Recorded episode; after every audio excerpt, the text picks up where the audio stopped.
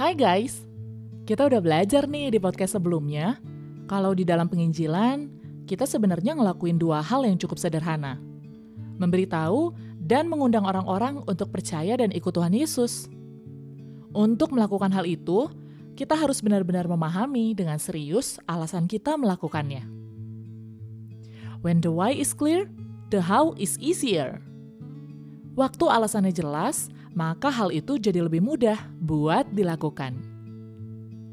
Paulus juga pernah bilang, "Sebab itu aku tidak berlari tanpa tujuan, dan aku bukan petinju yang sembarangan saja memukul." Tertulis di 1 Korintus 9 ayat 26 saat ia bicara tentang penginjilan. Alasan yang benar membuat Paulus terus menginjil dengan semangat yang menyala-nyala. Apa aja sih alasannya itu? Yang pertama, kasih kepada Allah.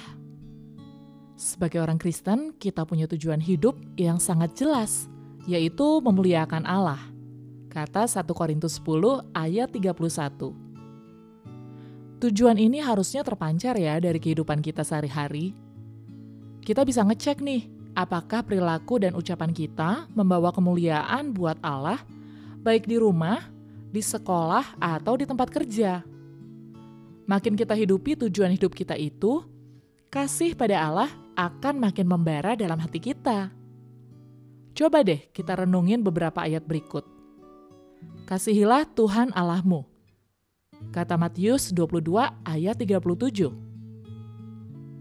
Inilah kasih kepada Allah, yaitu bahwa kita menuruti perintah-perintahnya. Kata 1 Yohanes 5 ayat 3.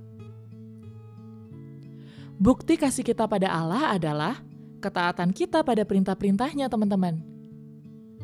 Salah satu perintah dari Allah yang paling jelas dan tegas adalah perintah untuk memberitakan Injil. Yesus berkata, Injil harus diberitakan di seluruh dunia.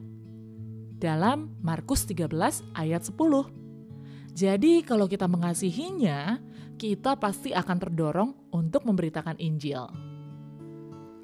Kita mau keindahan dan kasih Allah yang kita terima di dalam Injil bisa dirasakan juga oleh orang lain, sehingga orang tersebut juga memuliakan Allah. Teman-teman, Allah nggak kurang mulia kok, sehingga ia perlu dimuliakan oleh banyak orang, baru kemuliaannya sah. Manusia memuliakan Allah karena memang dia mulia, sehingga dia layak dimuliakan.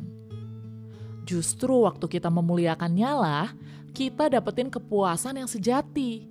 Karena itulah tujuan hidup kita, teman-teman. Yang kedua, kasih kepada sesama. Alkitab jelas bilang bahwa di luar Kristus manusia dihukum karena kejahatannya. Dalam Yohanes 3 ayat 18. Yesus pun dengan jelas nunjukin bahwa dialah jalannya.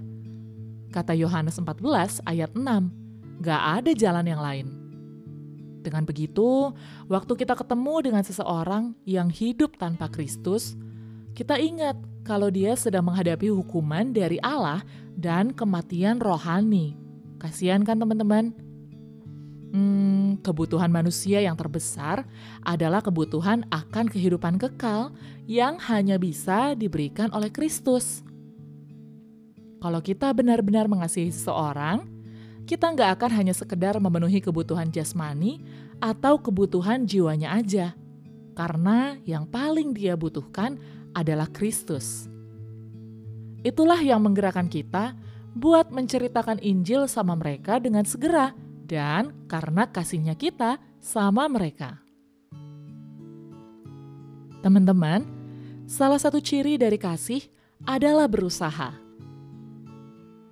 Yesus sudah ngasih perumpamaan yang sangat bagus dengan cerita domba yang hilang dalam Lukas 15 ayat 4. Yang 99 ditinggalin loh demi mencari yang satu. Wah, itu adalah usaha yang besar ya, dan pastinya merepotkan kan teman-teman? Tapi, sang gembala tetap mencari satu domba yang hilang ini karena kasihnya, bahkan dia bersuka cita waktu domba itu ditemukan.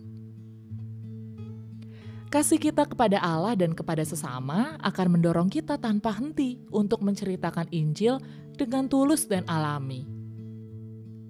Karena di tiga episode ini kita udah belajar apa itu Injil, penginjilan, dan kenapa kita harus menginjil, nah langkah apa yang harus kita lakuin lagi nih teman-teman? Ya pastinya praktek dong. Nah, buat kalian yang masih bingung gimana mulainya, kalian bisa coba ikutan 7 Days Challenge di aplikasi Yes He Is. Segitu dulu ya episode kali ini. Kita ketemu di episode selanjutnya. God bless you.